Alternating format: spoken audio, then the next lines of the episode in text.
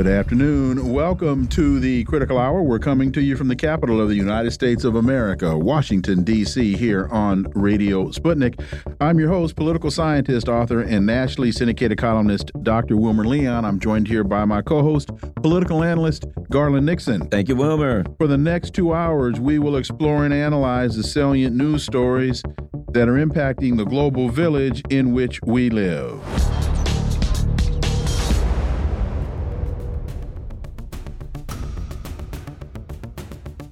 According to TASS, Beijing demands U.S. cease machinations for Taiwan's independence. According to Wang Yi, Beijing will not tolerate any separatist activities on the part of pro independence forces if they dare take the risk and provoke incidents aimed at achieving the quote independence of Taiwan end quote.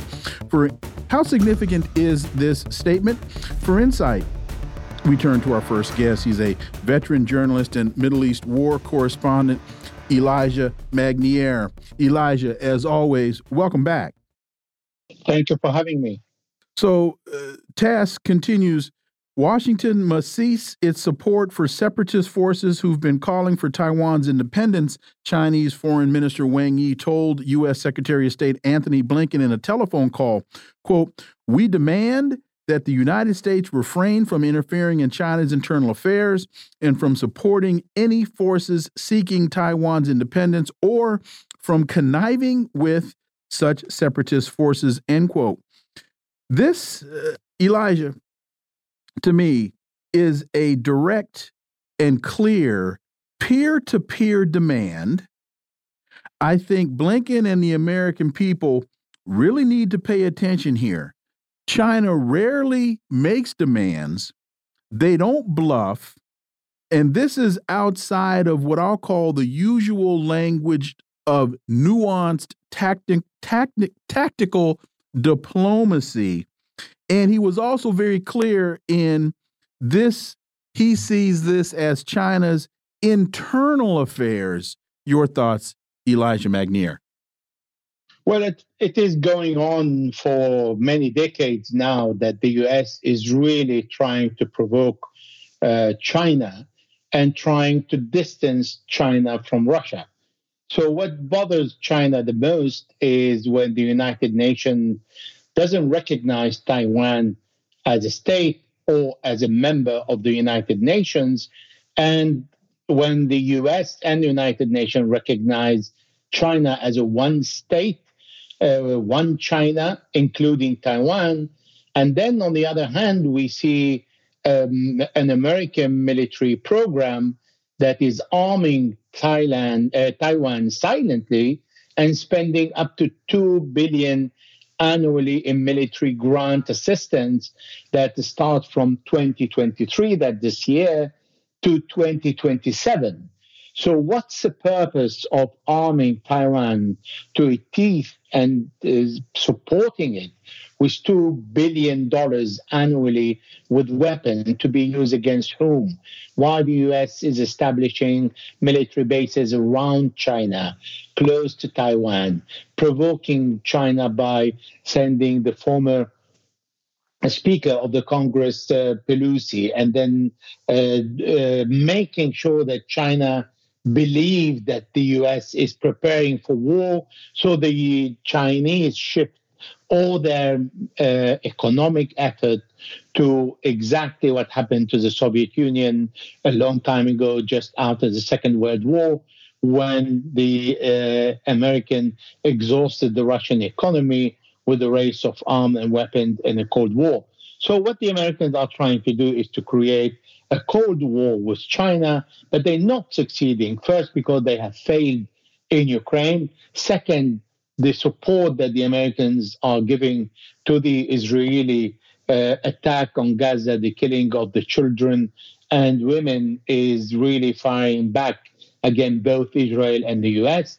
Third, the Americans are facing an election that are coming up next year with nothing in hand. So there is no victory for Joe Biden that he can present to uh, his uh, voters when he has been accused of um, destroying the European economy, destroying Ukraine, uh, starting uh, a, a fake war against China, but pushing all the allies to concentrate their forces against China when everybody wants to do business with China. And Europe is extremely happy with the relationship with the Chinese, as it was the case with the Russian before 2022 and the war between the Americans and the Russian in Ukraine. So all that is creating a belligerent atmosphere and approach toward China that the world is not happy with and the Chinese are not happy with. And the Chinese understand that the only leverage that the Americans have is just to wave the card of Taiwan. Eh, let me add one more, Garland, and that is President Xi of China is too smart to take the bait of provocation of the United States. So, you know, again, and that's why I think it's very important that people pay very close attention to this language from Wang Yi because this is out of the norm of rhetoric of the diplomatic rhetoric that China tends to use. Let, let me ask you this uh, um, also. China's currently, um, I you know, they've got ships in the Middle East. They um, are about to do some, interestingly enough, some naval exercises in the Middle East. It's going to be Russia, China, and Iran. And and if you could add that to, if you could comment on that uh, also in the context of the Houthis or the Ansar Allah are attacking ships, disrupting shipping in the Middle East. If you could, do you see a connection between all of that? I do, but I think I'm not sure what it is, Elijah. Well, there is a very uh, distance, big distance between the Chinese and their model of war. Yes, it is true that the Chinese and the Saudi Navy have launched joint uh, counterterrorism exercises. However, the Chinese would like to be involved in Mm, uh, the conflict between the Israelis and the Palestinians, nevertheless, is not possible unless the Chinese are certain that both sides will listen and are really willing to put their guns on the side and sit around the table. So the Chinese have been successful with Iran and Saudi Arabia, bringing them together. The Houthis uh, have a completely different purpose. They're saying as long as the Israelis are killing the Palestinian civilians. We stand with the Palestinians. We stand with their right. We stand with what they want, that is two state. This is the failure of the American policy. And they're saying the only contribution we can offer is to stop all the Israeli ships and make sure that the Israelis understand that their economy is going to suffer if they continue killing the civilians because Israel is unaccountable.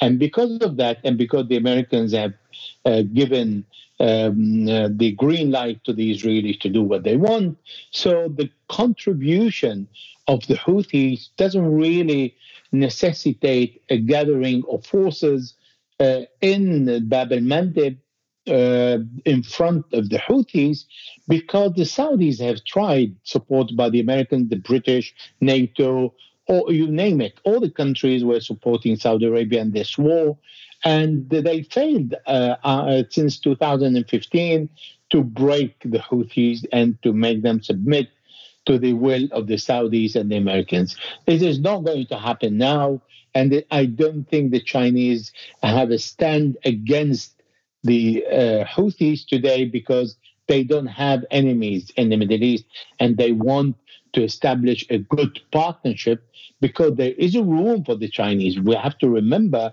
that the Saudis and the group of all the Arab leaders went to China and Russia because they understood they can't talk to the Americans about what's happening in Gaza between the Israelis and the Palestinians. So they went to China and to Russia. They didn't go to the Americans because they know the answer. So the role of China cannot uh, be uh, a position against a group, particularly what the Houthis represent. They represent the future of Yemen. They are in partnership with the Iranians, with whom the Chinese have excellent relationship. Also with the Russian, the, and the Iranians have good relationship. So I don't think this is where the Russia, the Chinese would like to position themselves against the Houthis. And to that point, U.S. officials are considering forming a Red Sea task force with other nations after a series of attacks by Yemen's Houthis against commercial shipping. We are in talks with other countries about a maritime task force of sorts involving the ships from partner nations alongside the U.S. in ensuring safe passage of ships. This is according according to Jake Sullivan. And and, and to Garland's point, you've got Russia sending um, uh, sending ships in, in, into the region, uh, working in in in joint task forces with Iran, and uh, the shipping lanes are getting crowded, so to say, Elijah. Yes, because uh, there is a war that is going on uh, between the Israelis and the Palestinians. Everybody is concerned that this war can hit different regional uh, countries, so that uh, it can hit uh, Syria, Iraq, uh, the, the, the Yemen, Lebanon, Israel and Iran can be involved. And if Iran is involved, then the US is going to be involved. And then we're talking about a much wider war where the whole economy of the entire world will be affected by not only the passage to the Suez Canal and Bab el Mandeb, but we also have the um, Iranian um, Straits uh, of Hormuz, yeah. passage of the sorry no, I was just mentioning it was the, the Straits of Hormuz, which at that yes, point, of, yeah, the the Strait of Hormuz, where this is going to affect the international trade, and also we uh, uh, consider that there are um, so many American uh, military bases in the Middle East that will involve uh, their participation and retaliation from Iran against these uh, military bases. This is something that the Americans don't want. And because of that, because of uh, the possibility of uh, a wider war, then the Israelis are trying to give the impression that there is a coalition against the Palestinians, which is not true.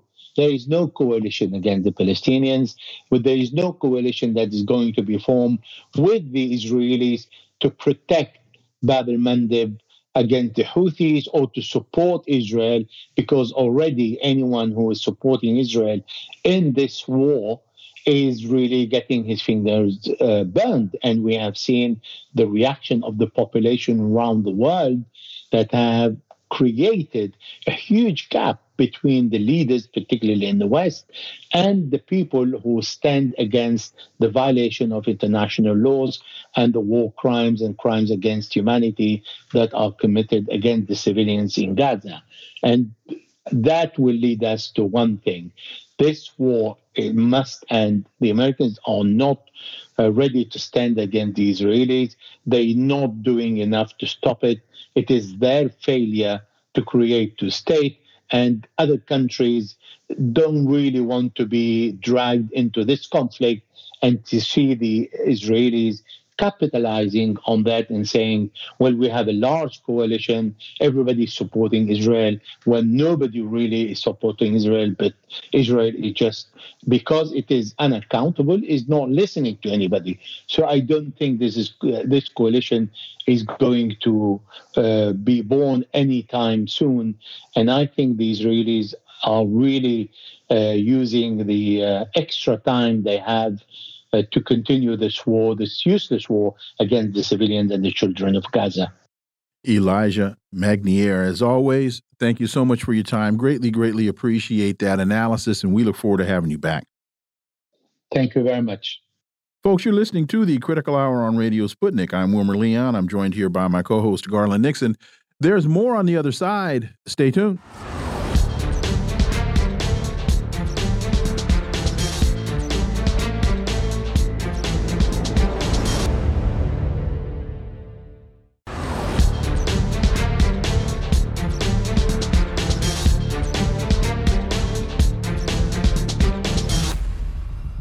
We are back, and you're listening to the Critical Hour on Radio Sputnik. I'm Wilmer Leon, joined here by my co host, Garland Nixon. Thank you, Wilmer. Sputnik has a piece by Scott Ritter entitled The Attack Carried Out by Hamas on October 7th Against Israeli Military Positions and Settlements, which collectively formed what is known as the Gaza Barrier System, triggered a massive Israeli military response. There are two aspects of this cause and effect relationship that stand out. For insight into this, let's turn to our next guest. He's an award winning broadcaster and journalist based in Beirut, Lebanon. Laith Marouf. As always, Laith, welcome back. Thank you for having me. So, Scott continues first, and perhaps most importantly, it was the goal and objective of Hamas to have Israel respond impulsively. Second, and less predictable than the first, was the poor performance of the Israeli security establishment, including the Israeli Defense Force, the IDF, and Israeli intelligence. Your thoughts on Scott's assessment, Laith Marouf?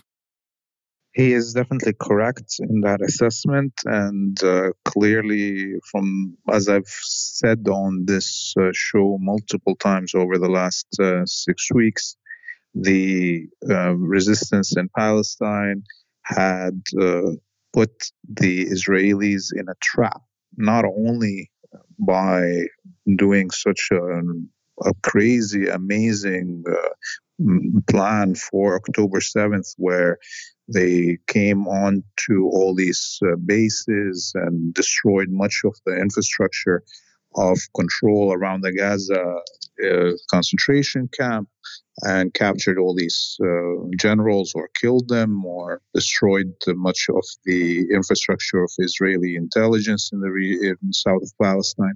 Those were already um, an achievement.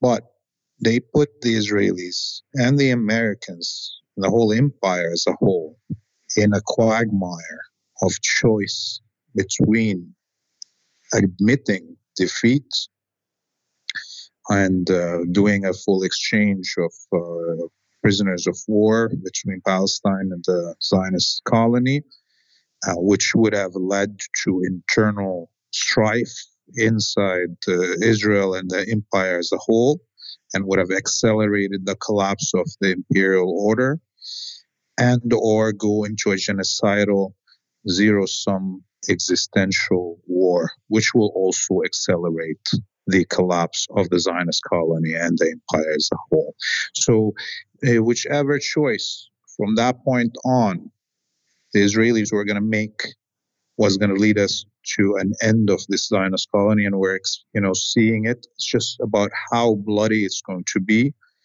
um, and uh, that is a strategic success for the Palestinian resistance. You know, I, I, was thinking about this. I, I wanted to, to, throw this at you. One of the things that we are covering is uh, President Putin's visit to the Gulf, UAE, Saudi Arabia, etc. I was just wondering your thoughts in the context of I understand, you know, when I, I, I saw some things that he had talked about um uh climate change or something like that, right? But is that viewed in your region as an an important factor or maybe do people think maybe he's there to talk to about this uh, conflict or some kind of resolution or is there any discussion at all of, of president putin's visit to um to to the gulf today well, uh, it is a big story in terms of what is going to happen behind the scenes. Look, uh, everybody's talking about the change globally and the multipolar rise. Uh, we still see all these uh, former or current um, vessels of the United States uh, publicly wavering or uh, having one foot uh, in, in, on one camp or not. These are all just uh, moments of tests of this new rising world. I personally don't think that regimes like Gulf countries or Turkey um, um, that have been uh, in within the Western imperial order for so long that their uh, internal economic and security establishments and uh, governments are so interlinked within the uh, Western imperial order can can suddenly change sides. I believe that the you know look at what happened with these um, Gulf countries going to uh, meet in China to talk about what happening in Gaza. What we heard behind the scenes is these uh, Gulf countries talking about what is going to happen next and how they want to bring in Abbas and the Palestinian Authority to control Gaza. And of course, the Chinese were taken aback by that.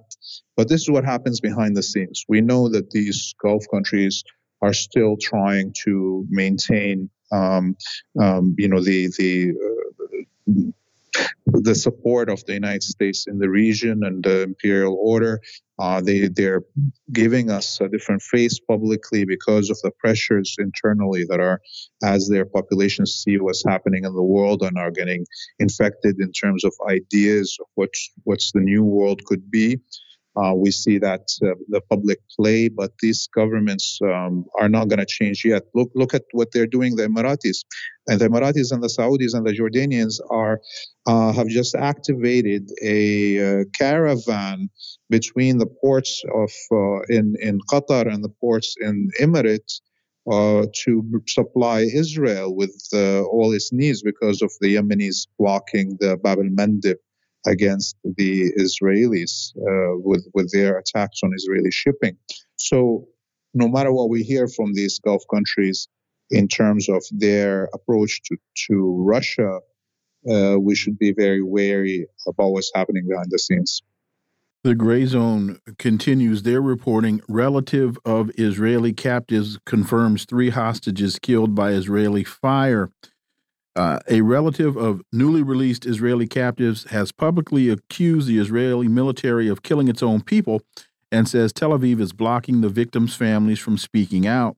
In testimony delivered to Israel's Finance Committee, uh, Noam Dan, whose cousin cousin's husband remains in Hamas and suffered the loss of other two family members, says we know for sure that three people were killed by our fire three hostages, he declared, while demanding to be informed on the whether the families of captives were given up on by Netanyahu. And what what and we we've talked about this before in terms of the objectives of Hamas and undermining the sense of security of Israeli citizens, of the settlers, of those in the West Bank, um, is I, I think is is instrumental here and because a lot of the folks that were brought in have left and will not return. Laith Marouf. Yeah, look, I mean, the promise that uh, the Zionist colony has for its uh, settlers is that you can come in and uh, kick out a Palestinian from their home and steal the land and the fruits of this land and kill if you want at will Palestinians. Go hunting for Arabs in the West Bank as as you wish, and nobody can stop you. This is the, the what the promise of this colony is, and now there is a price for that uh, action of colonization. So of course, somebody from New York uh, that uh, thought that they can run away uh, from the uh, system in the US and find a way to actually uh, live better by killing Palestinians because he's allowed to do that in, in the Zionist colony. Now he sees that, uh, well, it's maybe better that I go back to Brooklyn. So uh, this is where now the end is clear for the Zionist colony. There's no more ability for this Zionist colony to uh, provide its colonists with these privileges of the right to kill, steal, and covet your neighbor's uh, things. The anti Ten Commandments uh, have now been revoked. And so, yes, uh, the end of the Zionist colony is already foretold.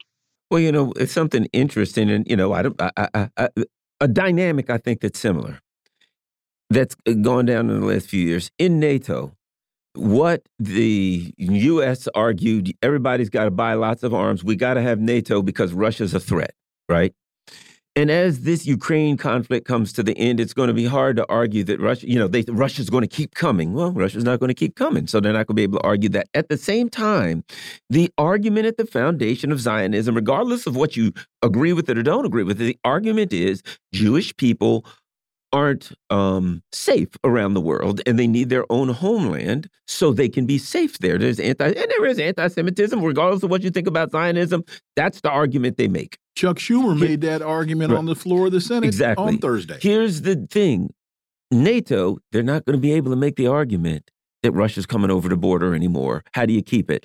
Israel, it, you're not going to be able to make the argument that you're safer in Israel than you are back in Paris or Moscow or New York because of the instability. The foundations of both of these things have been rocked. Your thoughts, Laith? Yes, you are right there. It's, um, you know, look at, let's take it a little bit further.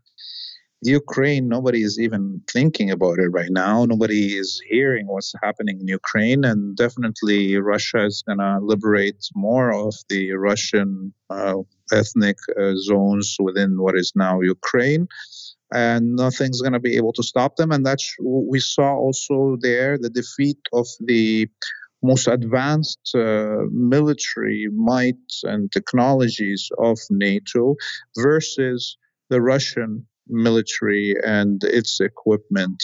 Um, and today we are seeing uh, the resistance in Palestine in a extermination camp that is like a small zone that's the, the area of uh, Washington D.C.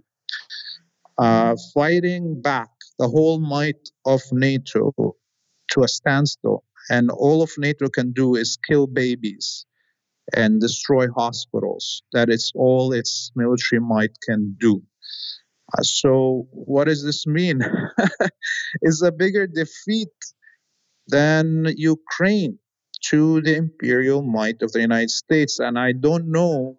Uh, this is why we see the viciousness. Look, the, the United States and the whole empire with it are fighting directly the Palestinian people and are committing this genocide not to save this colony, but to save the empire. And it's, uh, you know, uh, that shock and awe that they invested in 30 years ago in uh, Baghdad when they burned it to the ground in front of the whole world to show everybody that they got to get in line, that you're either with us or against against us, or you're, you know, this is what Bush said. Now that shock and awe investment is gone, is destroyed, along with all the uh, reputation of Western uh, technology and security advancement. Final story. Uh, Erdogan sees Netanyahu balancing on brink of collapse.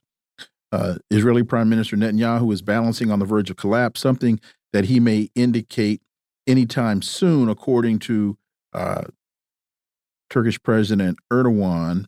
Uh, your thoughts on? We understand, you know, your position and and your your analysis that the uh, that that that it that the colony of Israel is on the brink, but this coming from Erdogan.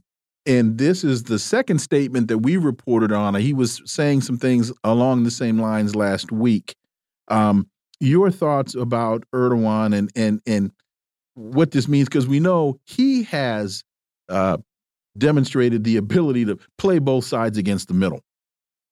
Yeah, Erdogan is uh, a chameleon, uh, and he's a parrot, and he's a good theatrical presenter uh, for the Turkish language. Um, he definitely talks a lot and and for but at the same time we got to think about him as like a canary in the in the mine. If he says these things it means already everybody else acknowledges that and he has to jump on the wagon. And because it's Erdogan and the president of Turkey and the place of it internationally then it has a bigger echo Netanyahu is uh, right now not really in control of what's happening uh, inside the Zionist colony or uh, on the battlefront in Gaza. He has no control of his own cabinet. Each of his ministers are doing whatever they want to. It's a total chaos. uh, Ben Gvir is uh, became the king of uh, the West Bank and is running all the militias there and is, has his own campaign branches of the the, the military.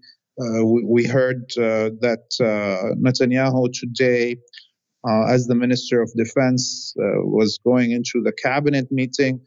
got the security to shake him down and search him and all his the bags and all his uh, you know anything that he's bringing in because Netanyahu is worried about all the leaks that are happening about the cabinet.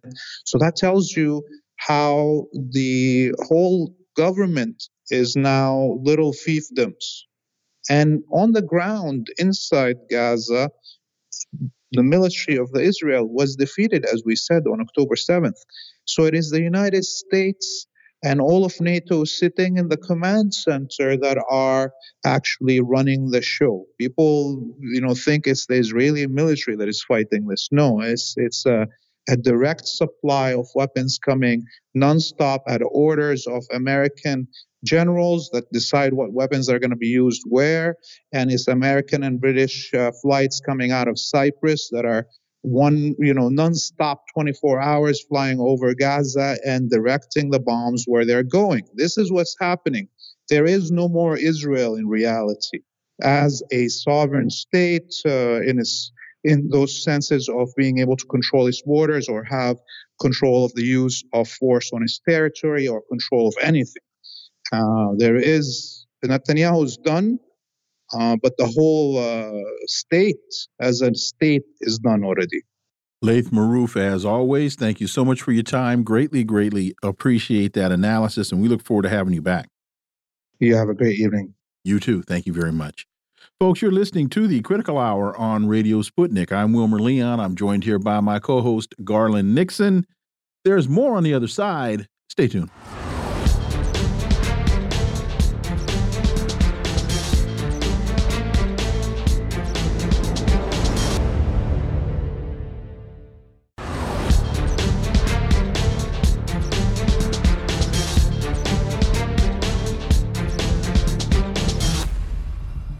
We are back, and you're listening to the Critical Hour on Radio Sputnik. I'm Wilmer Leon, joined here by my co host, Garland Nixon. Thank you, Wilmer. Senate lawmakers careen toward failed vote on Ukraine, billions in additional aid stuck as Republicans push border security, walk out of classified briefing. What signals are being sent here, and is this brinksmanship by Republicans, or is there a clear split on this Ukraine funding issue? Are folks tired of throwing good money after bad? Well, for insight, let's turn to our next guest. He's a Moscow based international relations and security analyst, Mark Sleboda. As always, Mark, welcome back. Dr. Leon Garland, thanks for having me. It's always an honor and a pleasure to be on the critical hour. So it's been reported that at least a dozen Republicans walked out of a classified briefing led by Secretary of State Blinken and other Biden officials on the status of Ukraine's war effort yesterday shrugging off a presentation that was meant to pressure them to back the aid. So, to my uh, question at the open, Mark, is is what signals do you see here? Is this just brinksmanship, uh, or is this really a sign that folks are getting tired of this? No, this is largely brinkmanship. This is petty, partisan U.S. Uh, domestic politics at its finest. The Republicans, uh, first in the House, now the Senate, uh, a number of uh, uh, very hot geopolitically pro Ukraine senators, uh, Lindsey Graham, Mitch McConnell, Mitt Romney, uh, have all also joined the we'll be happy to give uh, Biden uh, money for Ukraine as soon as uh, he bows to our demands for increased funding and change in policies on immigration and asylum reform at the border. Uh, they've made that perfectly clear. Um, and uh, right now, uh, the Democrats, uh, surprisingly uh, to me, are not budging on the issue, and it seems to be at a serious impasse. But the fact that they walked out of a, a briefing today. It's it's interesting. Um, Zelensky was supposed to address the Senate uh, committee today, right? He was supposed to address the Senate in begging for them to give him aid, and then it was canceled last minute. Uh, and by at least some accounts, which seems extremely likely to me, uh, the reason why he bailed at the last minute was because uh, there was such strong signals from senators that it's dead in the water that that they uh, have there, there's absolutely nothing will change their mind. And the votes were obviously not there. They would have needed 60 votes. Um, and uh, the, the Republicans were obviously dead set against it. Uh, however, they have made the quid pro quo abundantly clear. Um, it's simply that both sides, uh, you know, are in, you know, there's a presidential election next year. There, of course, there will also be a number uh, of um, uh, congressmen uh, uh, and senators who will be facing reelection as well. And um, even Mitch McConnell and Lindsey Graham, no matter hot, how what what geopolitical warriors they are, they face reelection issues too, and they are at least giving a nod to the Republican base, where uh, they will say, "Yes, we'll give money to Ukraine, but you have to indicate to us that you care about our security first too." Uh, that that's the way that they are playing the issue anyway, uh, and and that's clearly what's going on now. Who is going to back down first? Um, my my bet is is on the Democrats and Biden, uh, but I mean, we'll have to see going forward. And you know, is this an off ramp? You know, I mean, I don't want to sound you know too speculative, but you would have to think that there are people in both parties that if they could find a way uh, to you know to walk out of this thing, they would. Look, they did it in Vietnam, they did it in Afghanistan. When they were ready to walk, they walk. What about that possibility, Mark? Yeah, I don't think it's a possibility. I, I really don't. This is a geopolitical issue with, uh, you know, the stated uh, repeatedly that they believe that U.S. hegemony is at stake. They believe that their world order is at stake. I mean, listen to, to the quotes by uh, Chris Murphy, Demo- Senator Democrat. If Republicans take down the Ukraine bill because of their disagreement of a, over a totally unrelated policy fight, then they own the go- global cataclysm that will be created because of their political gamemanship. Global catalysm. You heard it. You heard it right there, folks. I mean, we're facing cats and dogs living together in the streets. We're we're talking zombie apocalypse. You know, we're talking literally the end of the world uh, if uh, uh, they don't get money to the the U.S. backed uh, uh, proxy putsch regime in in Kiev. That's that's the the apocalyptic terms uh, that they are putting it in. but I I have not heard more than 10 uh, uh, Republicans who are against aid uh, beyond the issue of the quid pro quo. Ten, that, that's it. I mean, yes, some Americans, the Republican base, may be souring on it, but this is not Vietnam. No Americans have died in this conflict. The large amount of money that the U.S. has, has, spent, the Biden administration has properly noted, most of it is just recycled in the U.S., going straight back into the hands of the U.S. military industrial complex.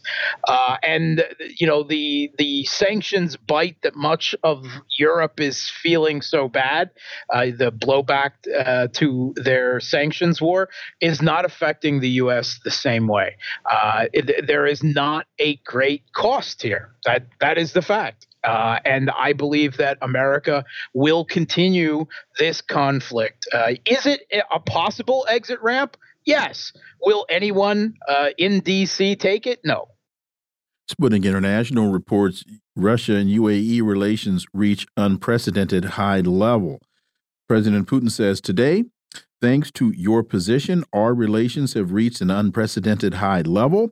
You and I are in constant contact, and our colleagues constantly work with each other. And indeed, the UAE is Russia's main trading partner in the Arab world.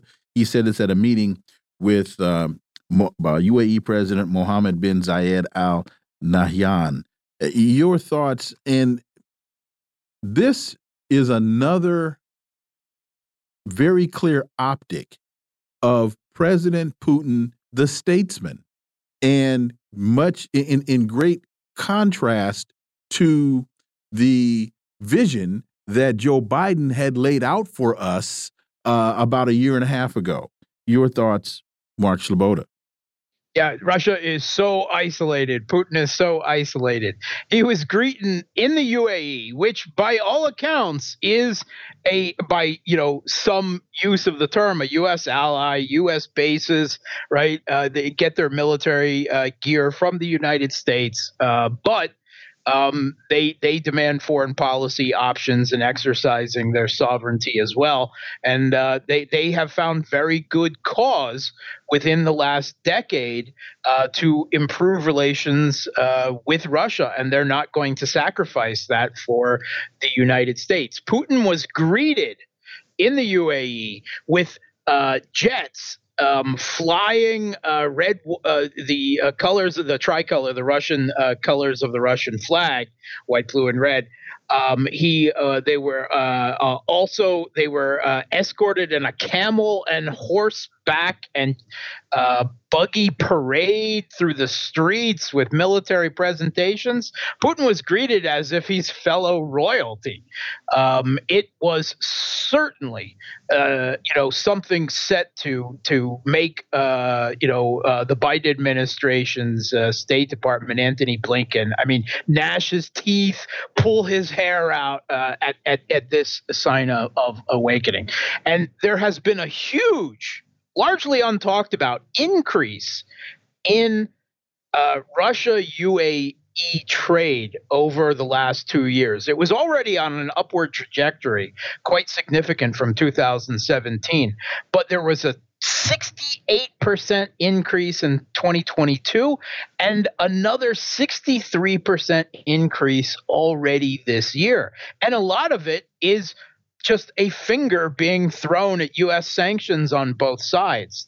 UAE is importing large amounts of Russian oil diamonds and gold, which are sanctioned by the West, and then they just sell it on, right? and uh, uh, particularly the oil, they mix it with their own. And Russia is buying very large amounts of electronic goods and electronics components from the UAE, which of course it gets from the West and, and then sells on to Russia. The US is furious about this, but UAE is such a, an important player in the Middle East, such an important player for global finance and, and in OPEC that they don't dare push the UAE too far on this. Uh, and so they just have to sit and, and endure it uh, while Putin is treated like royalty in the UAE and he's on to Saudi Arabia next, where it is very much the same thing. And it has to be remembered that both the UAE and Saudi Arabia, it's not just Putin, the president of Russia, visiting these two countries. It is also one of the leaders of the founding BRICS members meeting the leaders of two new BRICS members. And that's really significant in, you know, future world order turns uh, terms where the world is going. Really quickly, Mark, do you think when President Putin goes to the Saudis that Mohammed bin Salman will make him wait overnight before he uh, before he grants him an audience. Yeah, I'm I'm gonna have to say no on that one. I I don't know if he'll be met with planes flying the Russian tricolors and and a camel parade, but I would guess that he will be treated with with respect. Why? Because Putin has treated Mohammed bin Salman with respect, and I think that that they have you know very much uh, that in each other. They're both hated uh, in you know different ways by different parts of the American political establishment for lots of reasons, and they have lots of disagreements on lots of things around the world. But I think Mohammed bin Salman has actually taken some cues on how to grow into being a global statesman from Putin.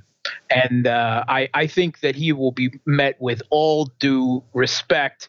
Uh, and, um, you know, uh, I, I, don't know if it's going to be a, uh, a fist bump or fingers crossed behind the back or what, but um, I, I, I think it is more a friendly meeting in some ways than just a business meeting. Ladies and gentlemen, that's always the brilliant analysis of Mark Sleboda. Mark, we greatly appreciate uh, that as always and look forward to having you back. Thanks for having me. Folks, you're listening to the Critical Hour on Radio Sputnik. I'm Wilmer Leon. I'm joined here by my co host, Garland Nixon. There's more on the other side. Stay tuned.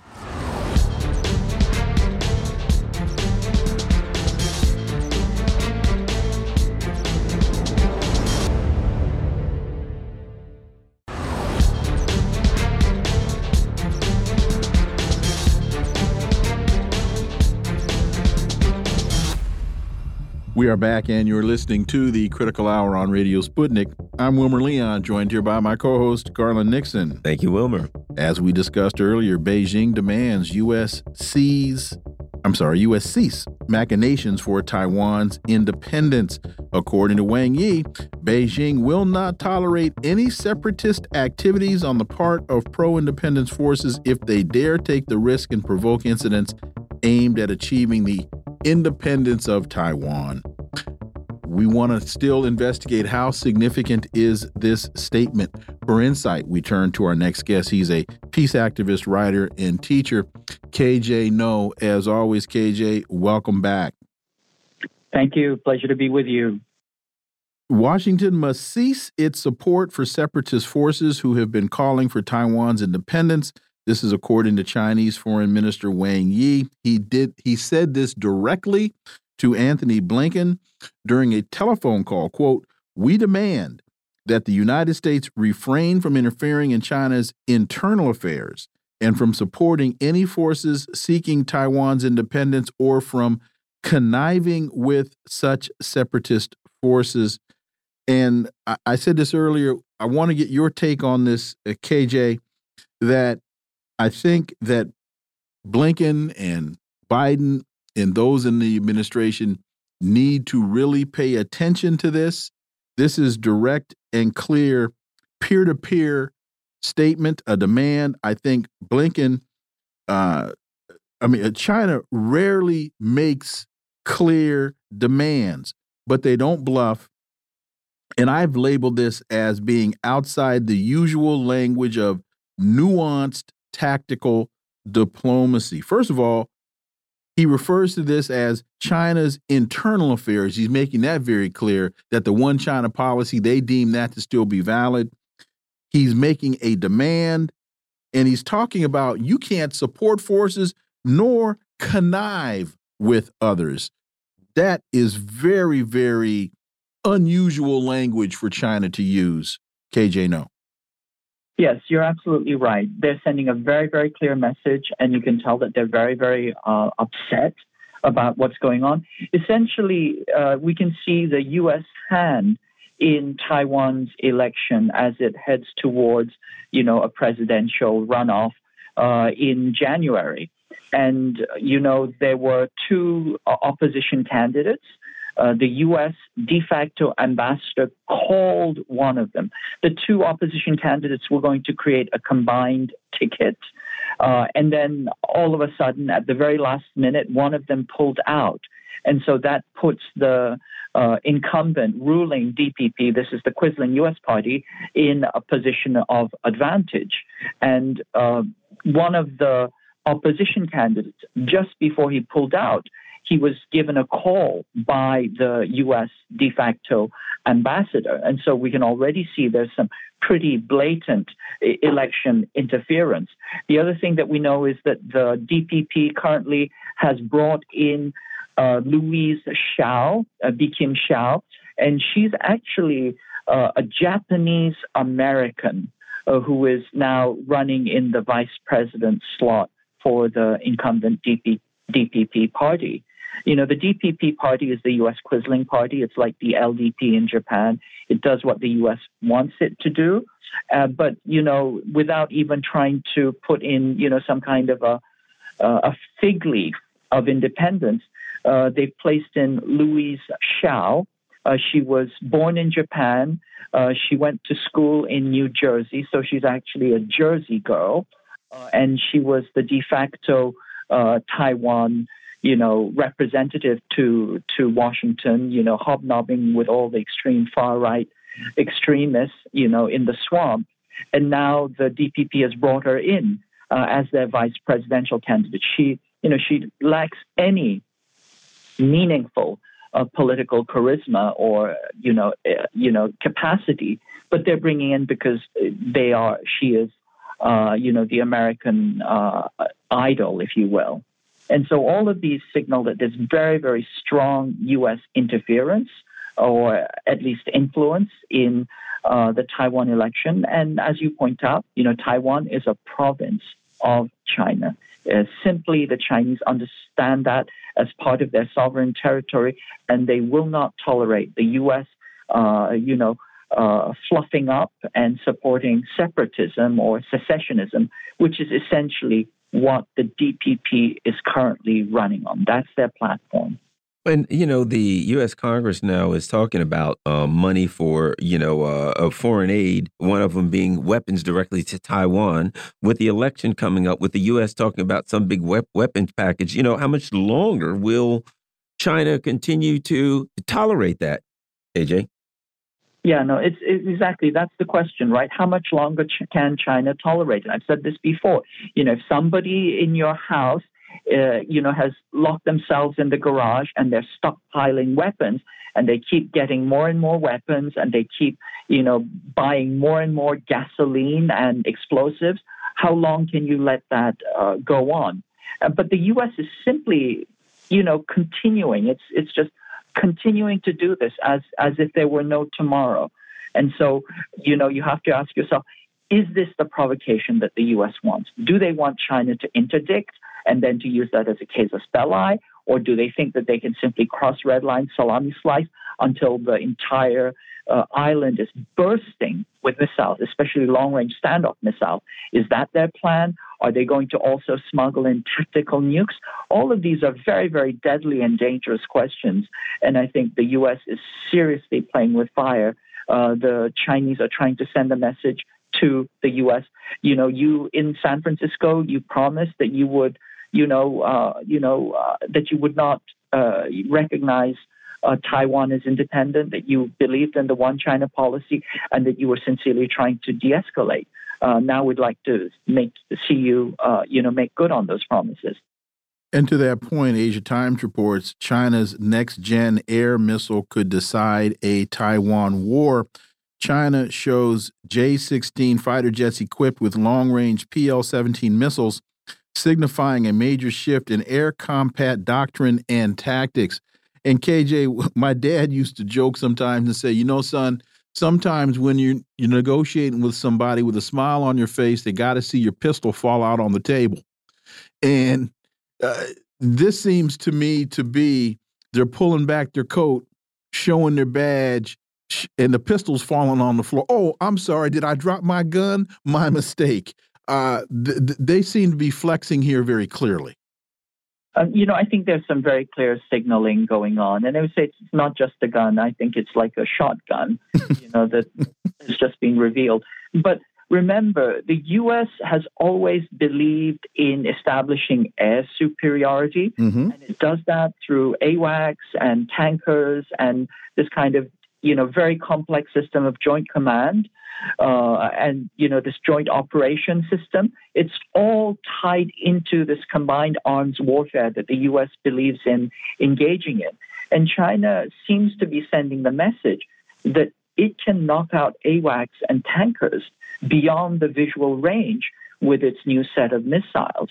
And so then that really changes the game. That really changes, uh, you know, U.S. Uh, air dominance and without air dominance, uh, you know, the U.S. is is a much much uh, enfeebled force, uh, as we can see, for example, in Ukraine. And, and just really quickly, KJ, President Putin said the same thing to Joe Biden when Joe Biden announced that the Gerald Ford was on its way to the Mediterranean. He says, "We got these Kinzhal missiles here, son. We can sink you from here." Right. Uh, well, and the, the, the other thing is, you know, the U.S you know, when you talk about combined arms warfare, You have to have ground troops in there, and the U.S. doesn't do ground troops at all. You know what I mean? Doesn't it, do it, well. Yeah, they, yeah. So KJ, I, I don't think I, I don't think that is that is an option that the U.S. could anywhere in the region invade somewhere that Chinese China would be on on the ground. Well, the Marines are currently rehearsing island hopping right now with standoff missiles, etc. So there's definitely some rehearsal happening right now. But I've said this multiple times. What they're going to use is they're going to use proxies. Those proxies will be the Taiwan youth, which uh, you know have, have had their you know draft conscription extended up to one year, except the DPP doesn't have the guts to actually roll it out before the election, so they're pretending it's not happening. But it is going to happen. It's you know it's already in the works. And the other uh, piece is that Korea which has you know 700 600,000 uh, you know uh, troops plus another 3.1 million troops that can be drafted under U.S. control immediately. They will be doing the bulk of the fighting, and we know this already because uh, South Korea, Japan, and also Australia have now been inducted in as NATO partners. You know, NATO has this kind of secretive agreement. They call it an individual you know, uh, partnership plan, but essentially they have turned uh, these countries, or they're preparing to turn these countries into NATO allies, NATO members, NATO functionaries, NATO executors. Okay. They are going to be doing the bulk of the fight.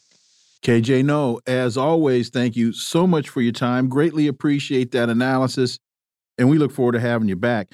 Folks, you're listening to the Critical Hour on Radio Sputnik. I'm Wilmer Leon. I'm joined here by my co host, Garland Nixon. There's another hour on the other side. Stay tuned.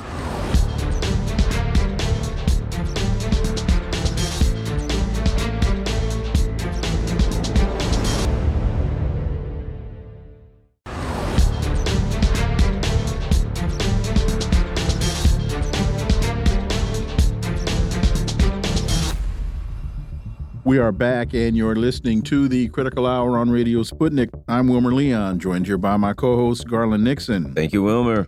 Counter Information has a piece entitled The Fall of the West Although the decline of the West is rapidly becoming more evident to informed observers of current events, the start of that decline is less easy to pinpoint, in part because it seems less inevitable and more reversible until quite recently.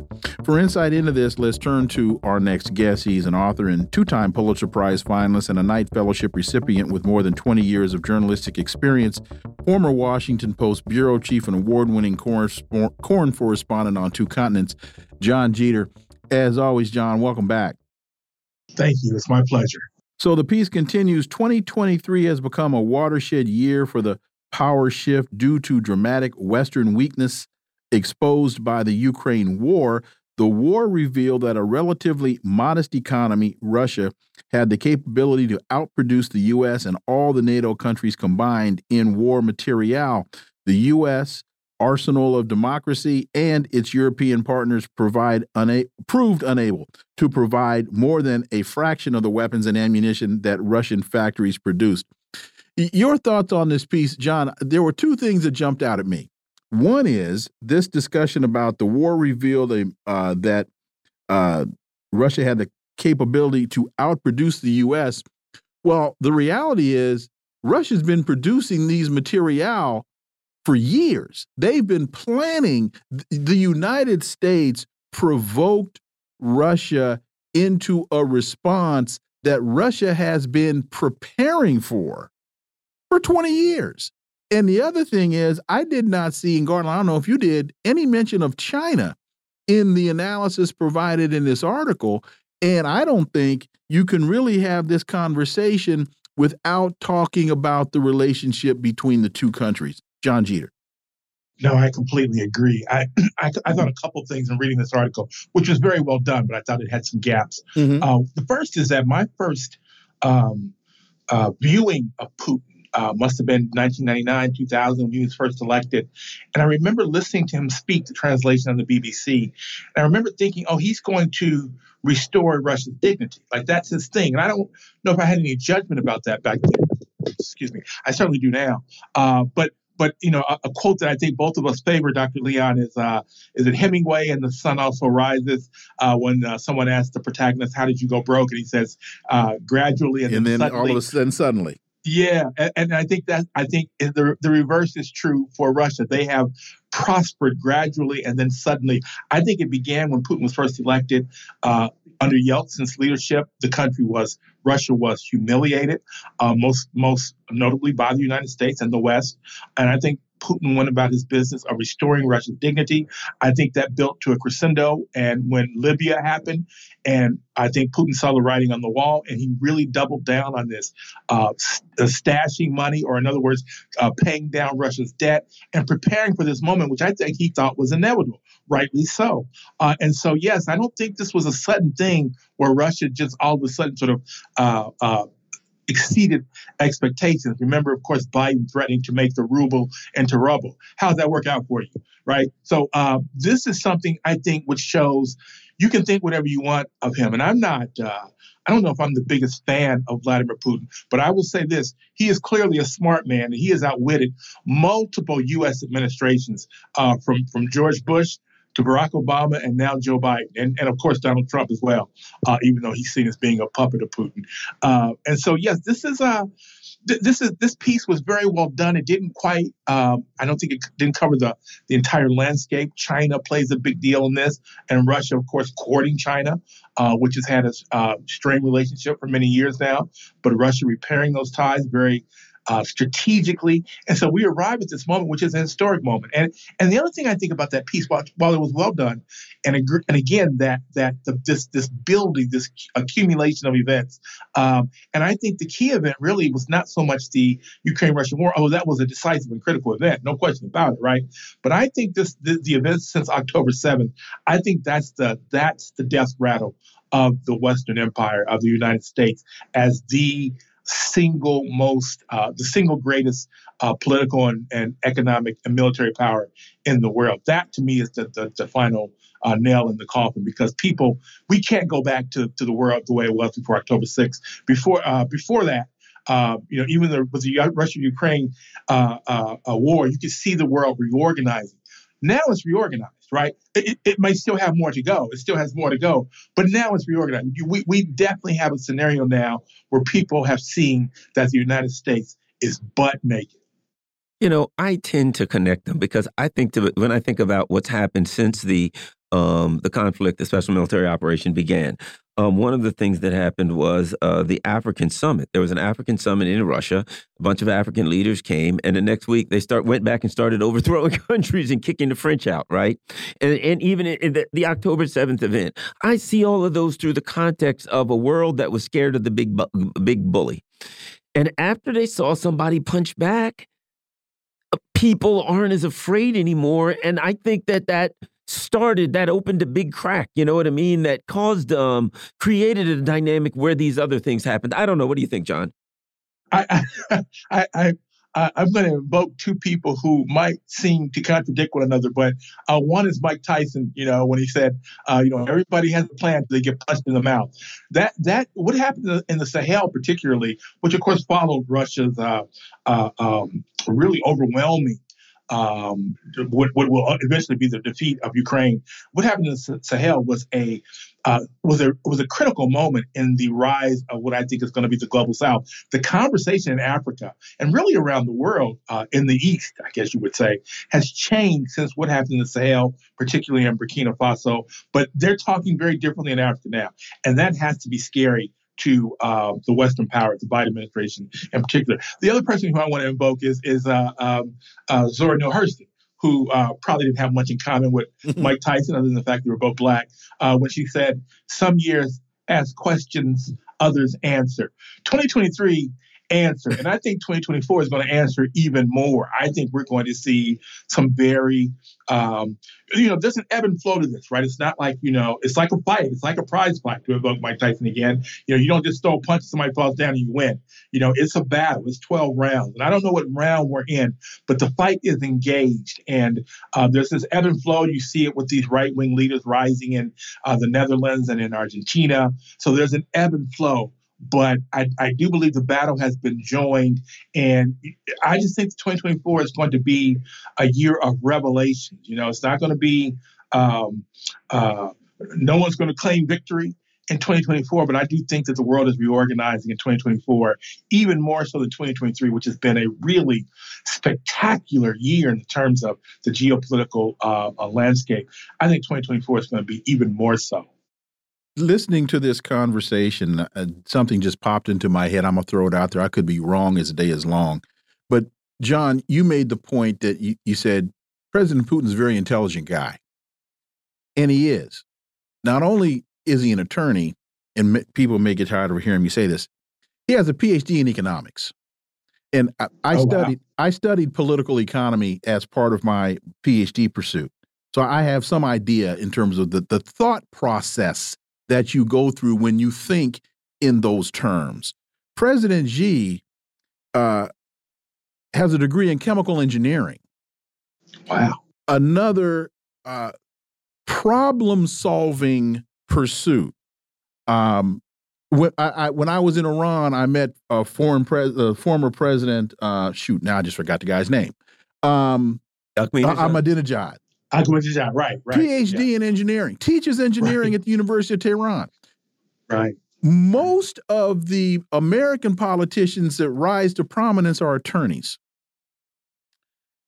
It, it, when I just look at what these people study, which says to me that there's a different mindset, a different thought process of problem solving that they must engage in as a chemical engineer, as an economist.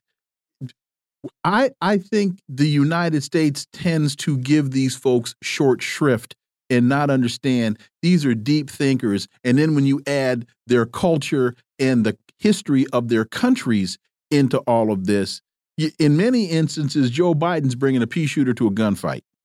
And, and you might you might be that might be generous to Joe Biden. Actually, I, I, heard someone um, say the other day, uh, uh, uh, an academic. I don't know who he was or where he was from, but he was talking about when Joe Biden said recently at the uh, summit in San Francisco with the Chinese uh, leader Xi, He said that uh, someone asked him, "Do you still think that China that that Xi is a dictator?" Uh, and Joe Biden said, uh, sort of just bizarrely, yes, I do, uh, because he leads a different country and, you know, they have a different system than we do. Well, you don't have to be a PhD in anything to understand that's not the definition of a dictator. Nowhere in the world is that the definition of a dictator. Right? That's that's another sovereign country, the leader of another sovereign country. That's what that is, right? But in the United States, and, and I don't believe there's any follow up to this question, which was which was posed by the media. We just don't have the look, this is, you know, we've got some very smart people, um, uh, as, as obvious by present company, right, in the United States. But as a country, we are not, we don't really have the intellectual resources to dig our way out of the hole that we're in. Uh, and that's a very uh, linear thing that's happened, you know, as someone who's 58, about to be 59 next month, Lord willing, and the creek don't rise. Um, I've seen this transition from a country that was uh, uh, uh, very much engaged with the world as a teenager. You could see it in the 70s and the 80s uh, up until Reagan. And then it started to change. We started to dumb down the conversation and it became this, this guy who was a creature of radio. It became sloganeering. Well, at a certain point, language has no meaning when all you do is repeat slogans. The rest of the world doesn't do this. They actually have cafe cultures around the world where people actually sit and they debate the issues of the day. We don't have that in the United States. So the lack of this intellectual tradition does not bode well for the U.S. empire because we don't even know the questions to ask while the rest of the world not only knows the questions to ask, but they have a pretty good idea what the answers are. So this does not bode well for us at all. Well, to me, it's the empire is insane because you know the the the a, a person if uh, you know can have a really bad internal what's the word uh, discussion going on in their head, mm-hmm. right? It, and and that can be a sign of severe mental illness. Illness if you look at the internal discussion on Washington D.C., what these people are talking about, we've got to deter China or you know whatever the, the the things that you read in the New York Times and the Washington Post. This is the internal conversation of a madman, Jon. It, it's farcical. It really is, Garland. I, I was I was um, watching uh, NBC report yesterday about uh, concerns about Hamas and sexual assault on their uh, uh, uh hostages. Right. I, I, don't know. Maybe Hamas is sexually assaulting these people, but isn't there a bigger concern, namely a genocide going on right now, where Israel is bombing indiscriminately hospitals and refugee camps and schools, all of which are war crimes? I mean, this conversation has been dumbed down, and and really, they think we're stupid, or maybe they hope we're stupid, right? So we won't ask these crit- critical questions, but people are now. Even as much as we've been dumbed down, you see it shifted. There was, uh, I think it was John Mearsheimer who was on a, a, a podcast the other day, and he says that uh, and this was this is based on a study by Haaretz, I think, the Israeli newspaper. Ninety-five percent of all of the uh, protests, pro-Palestinian or pro-Israel, uh, since October 13th, 95% have been pro-Palestinian in the world. 95%. The worm has turned, uh, and if you allow me to mix uh, to, to mix metaphors, I don't think the United States or the West can put that genie back in the bottle. You know, our Germany is deindustrializing. Uh, there's a turn to the right by uh, many countries in Europe, Italy, and now the Netherlands. And I don't think they're going to find answers uh, that can really help to restore the West to its uh, past glory. I think uh, I think uh, the world we're in for a, a, world of hurt, and the rest of the world has really been preparing for this. I think, or starting to understand this in a way that very few people in the United States really understand this point. More now since October seventh uh, and this war in Ukraine, but very few still. Jon Jeter, as always, thank you so much for your time. Greatly, greatly appreciate that analysis, and we look forward to having you back. Thank you both. Folks, you're listening to the Critical Hour on Radio Sputnik. I'm Wilmer Leon. I'm joined here by my co host, Garland Nixon. There's more on the other side. Stay tuned.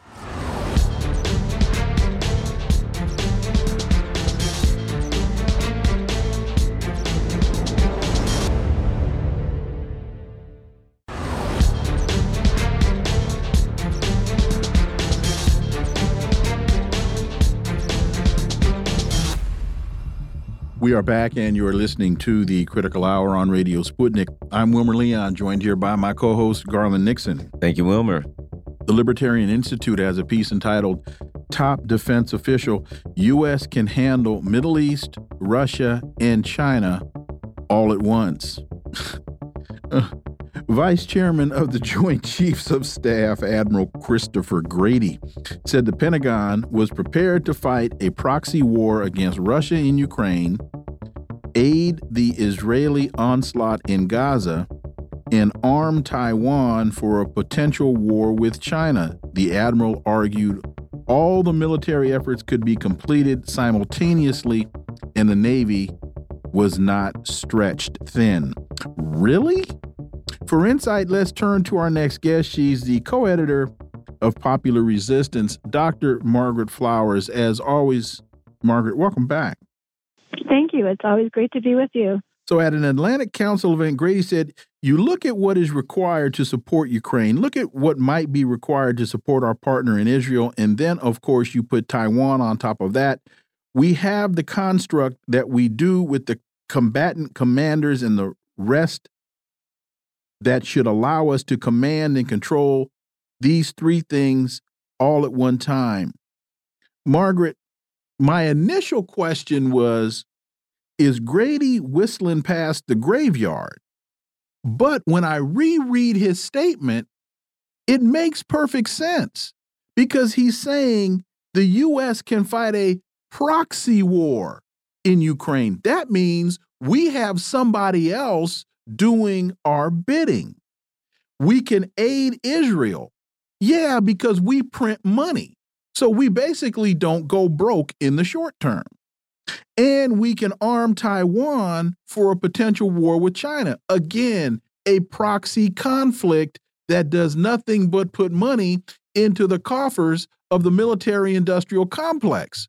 So when I first read his statement, I said, this dude is out of his mind. But when I reread this statement, it's exactly what we're doing now. So all he's saying is, oh, this is going to be business as usual. A am I, have I been drinking too early in the morning, Dr. Margaret Flowers? no, I mean, I, I agree with you, but I think this is really telling that this is what the, you know, leadership in the United States is, you know, thinking that they can do. And this is kind of typical of empires as they're failing is that there's this belief that you know they're so powerful that they can overcome, you know, anything they can take on, you know, as many conflicts as they want. But in reality, they fail at the conflicts, as the United States has failed in, you know, the past decades and all of the uh, wars that it has uh, launched on various countries. And now we see in Ukraine, you know, there's widespread agreement, even in the West, that that Ukraine is losing, that Russia, you know, is well equipped. Ukraine does not have the people. The United States is having to reach into its uh, stores of weapons in order to arm them. And I think when it comes to the, you know, what's happening in Palestine and the U.S. support for that, what we're seeing is this becoming a larger regional conflict. But only the United States is prepared to fight that. And uh, and then looking at China, yes, this this is likely the U.S. is likely to set that up as a proxy war. But will the people in the country that the U.S. wants to fight, for instance, the U.S. is really pushing for Australia to become its proxy in that war. But I, I'm not sure that Australians are going to go along with that plan. So I wonder really what what sorts of contingency plans do they have, considering that the U.S. is having trouble recruiting people into the military? And just what does the U.S. think that it can do if it's not able to, uh, you know, to fight the way that we have been fighting? That's what concerns me. And here's my thought. You notice that we don't have any, hear anybody from the government saying, I can deal with homelessness, crime, and lack of health care. Now, there's three things that you would think a government oh, and save Social Security. Yeah, there we go. Uh, well, we don't want them to say that because that always means cut Social Security. But you know, you've got uh, just an unthinkable number of things going on in the U.S. that are just signs of imperial decay. And instead of thinking, it's naming one thing they can fix, they're looking. You know, it would be like uh, Gar if Wilmer said, "How you doing Gar today, Garland?" And I said, "You know, I think I could get away, Wilmer, with a murder, a armed robbery, and I started naming the crimes that I felt I could get away with. That's the way it sounds like, Margaret." Oh no, and that's a, a whole other way that we we should you know be talking about this because, of course, we never hear the U.S. government saying we can fund health care for every person, as every other wealthy nation does. We never hear them say we need to increase our affordable housing and make sure everyone has a home, as we see many poorer countries than us able to achieve. We never hear them saying that we are going to drop all student debt, which we should do, and make higher education free and fully fund our schools, you know, pre-K all the way up. We we don't hear these things, things that the United States is completely capable of doing, but because this is a plutocracy, because this is a failing state, uh, because the United States is losing its power in the world, it's it's become you know, as uh, John Mubarak often says, you know, it's a rogue nation, it's a gangster nation, and that's what we're trying. You know, what what not we are. The people are not with the government, obviously, on this, uh, but those in power believe that they can continue to pour money into our military, into our weapons industrial complex, and and and regain that advantage that we had that's allowed us to live this lifestyle for so long. And following along on that point, if we were to shift the perspective away from uh, what what uh, Grady just talked about in terms of the proxy war with Russia and the Israel and Gaza and arming Taiwan. If we were to shift the focus to healthcare, education, and homelessness, they love to put all of these external issues in the context of national security providing for those here on the home front that would make America more secure. And instead of bombing Gaza or Afghanistan or Iran, as I used to say and still do say, we need to bomb them. We need to bomb them with water and penicillin and blankets and food. Those things would also provide a much greater sense of national security because that kid that was at in in Afghanistan that was at that wedding that the United States ev evaporated with a Hellfire missile, the kid that survived that, he's not pro-American. He's trying to figure out a way to um, exact revenge on behalf of his family. We have our priorities all confused. Well, we absolutely absolutely do, and I think you know during the pandemic, the beginning of the pandemic, that became very clear as you know so many countries around the world were helping each other out. The Secretary General of the United Nations, Guterres, was saying, you know, we need cooperation. And we saw a lot of cooperation coming from other countries, sending medical personnel, sending supplies. And what did the U.S. do? We increased the economic measures, blockades against other countries, making it impossible for them to get the equipment, the medications that they needed. I mean, Cuba, a very poor country, was able to create a number of vaccines, but they didn't have the syringes to deliver them because of the blockade. So folks had to uh, scramble to try to provide that uh, to Cuba. The United States is not interested in cooperation, but I think that what the U.S. is finding is it's going to be more and more isolated. Uh, we're going to continue to see other countries build alternative institutions that are not dominated by the United States, alternative ways of doing trade and financing that exclude the United States, and uh, you know, and the U.S. is going to continue to try to dominate in an aggressive manner. I, you know, that's why I think it's so important that here in the U.S. people understand the bigger picture of what's happening, because it really is something that we can influence. I'm so happy to see the major protests going on in support of Palestine. Uh, this is the kind of energy that we need to be pushing in, in a better direction here. You know, and Garland, as Gil Scott Heron said, ask them what they're fighting for, and they'll never tell you the economics of war. Yep. And and you know when you look at these numbers now with the the latest polls, you know, 76% of Democrats, 49% of Republicans, 57% of independents or third party voters all want a permanent ceasefire in Gaza. Uh, that seems like it's something that will have a dramatic effect on the 2024 election. Your thoughts on that, and and the fact that it just shows that the the current government that we have does not represent the wishes of the constituents. Your thoughts? Oh, yeah, I sure hope so. And I, am sure you saw the story earlier today that I think it was just last night, uh, several dozen White House and executive office interns uh, delivered a letter calling on the president to demand a permanent ceasefire in Palestine. And, and they said, you know, you need to be representing the majority of people in the United States who want this. Um, so I hope it has an impact. I mean, this is the reason that we're in this situation is that people continue to vote for the Republicans and Democrats despite the fact that they, you know, on majority of issues when it comes to primarily to uh, to foreign policy and to economic policies in the United States, they're pretty lockstep on that, and it's not in the direction that's benefiting the people. They need to feel some pressure. They we can't allow to you know ourselves to continue to enable what is happening here. Well, and and here's what I take away from this is when you go back and listen to or read Joe Biden's speech from I think the 19th of October when he had come back from his trip to Israel. When you go back and you listen to or you read Chuck Schumer's comments on the floor of the in the well of the Senate um, uh, on the 29th of November, I think it was, all this discussion about anti Semitism. When you look at the uh, congressional hearing that took place yesterday on anti-Semitism rising in college on on the on college campuses, and then you look at the story that we just talked about. Um, the latest poll shows the support for the idea of the U.S. calling for a permanent ceasefire in Gaza, and Garland gave the numbers. What that says is they're losing the argument. And they now feel compelled that they have to turn to these other forces and other sources be, Joe Biden has to say what he said. Schumer has to stand and and and give that all that blabber that he gave because they realize they're losing the argument. Margaret Flowers.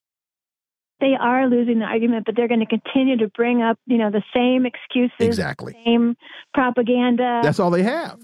Yeah, that's all they have. And and are people going to fall for it? I think it's amazing because the propaganda on Israel has been so strong in the United States, but there has been a real effort by people to expose what's going on there that what the Israeli state is really about the the ways that they've committed war crimes, violated international law, the, the fact that they, they wouldn't exist without the direct support, political and economic support, uh, and weapons from the from the United States it's amazing now that more and more people are understanding this, and the fact that that has happened means that we're reaching a tipping point, and uh, and things are going to change. And I think you know the U.S. is now with the uh, you know the Yemenis are uh, you know preventing ships from traversing the Red and Arab Seas. And now the United States is, is considering, you know, are they going to engage in that? I mean, they have somewhat. They, they shot down a drone, I think, that Yemen fired at, at southern Israel the other day, I think over the weekend. Um, if the U.S. heads down that point, you know, that direction of getting more engaged in the conflict there as it, as it spreads regionally, uh, I think we're going to find ourselves in a situation that that's not going to be good like many of the other military forays the U.S. has waged over the years. And as we get out, Margaret, I've been saying now since the 7th of October, Israel has bombed the world into reality. That their um, asymmetrical response, their disproportionate response to what happened to October 7th has bombed the world into reality. And that plays, contributes greatly into why they're losing the argument. 30 seconds. Yeah, no, absolutely. I think the the world. And I think what's really great is that people are recognizing that the colonization by Israel of Palestine is just a replay of, of the colonization that we've seen by the United States and by other imperial nations. And, and people are starting to get that. And so let's hope this is a new era of uh, supporting sovereignty and self determination and decolonization. Dr. Margaret Flowers, as always, thank you so much for your time. Greatly, greatly appreciate that analysis. We look forward to having you back. Thank you. Folks, you're listening to the Critical Hour on Radio Sputnik. I'm Wilmer Leon. I'm joined here by my co-host Garland Nixon. Thank you, Wilmer. There's more. On, you're welcome, Garland. There's more on the other side. Stay tuned.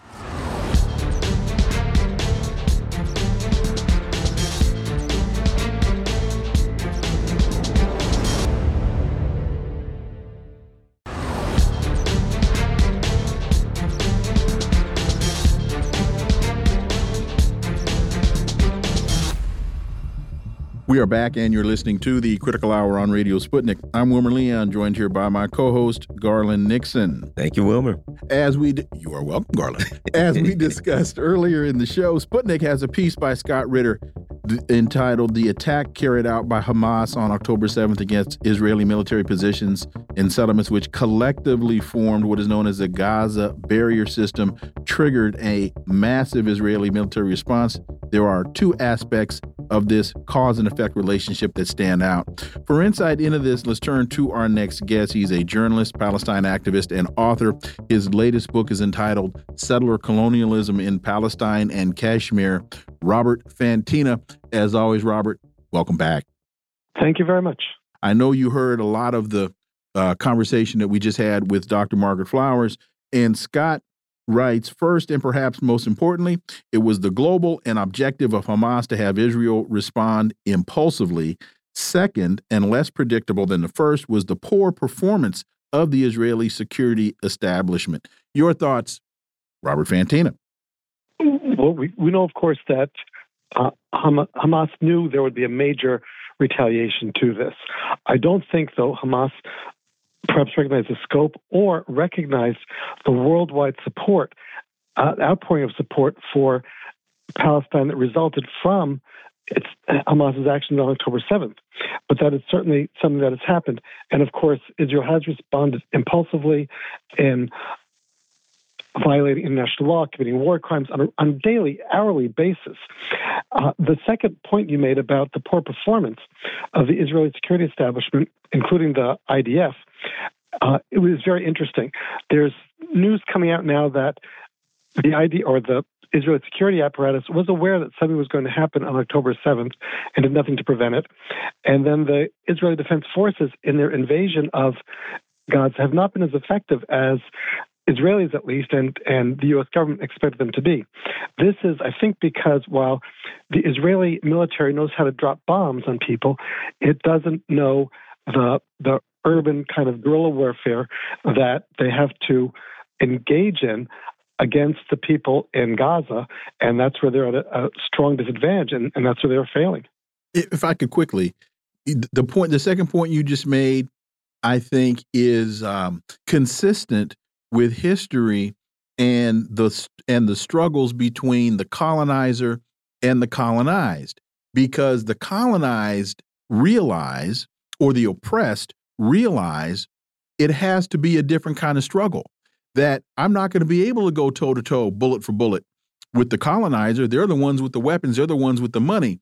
What I have as the oppressed is the will. What I have is the I'm in it till the last dog dies. Look at how the Viet Cong ran the United States out of what was then called French Indochina. It, it, it, history is replete with the story of these kinds of, of struggles. Yes, it is. The people of Palestine are fighting for their land, for their nation, for their their culture, their way of life. The occupier, Israel, is trying to destroy all that, but they don't have the same motivation because they're not fight, fighting for their their very identity. As you mentioned in Vietnam, the people of Vietnam were up against the most powerful military in the world, and they were a little third world country, and yet they defeated that military because of their will, their will to to defeat them, their will to survive, their will to maintain their identity as a people. And that's what the people of Palestine are doing now. They're paying a horrific price for it in terms of, of lives lost of men, women, and children, babies, uh, toddlers, infants. They're all dying, but the people of Palestine continue to resist because they are fighting for a just cause. They, they have justice on their side. The IDF and the Israeli forces do not. They are the occupiers, they're the usurpers, they're the criminals in this. So it's a different it's a different mindset.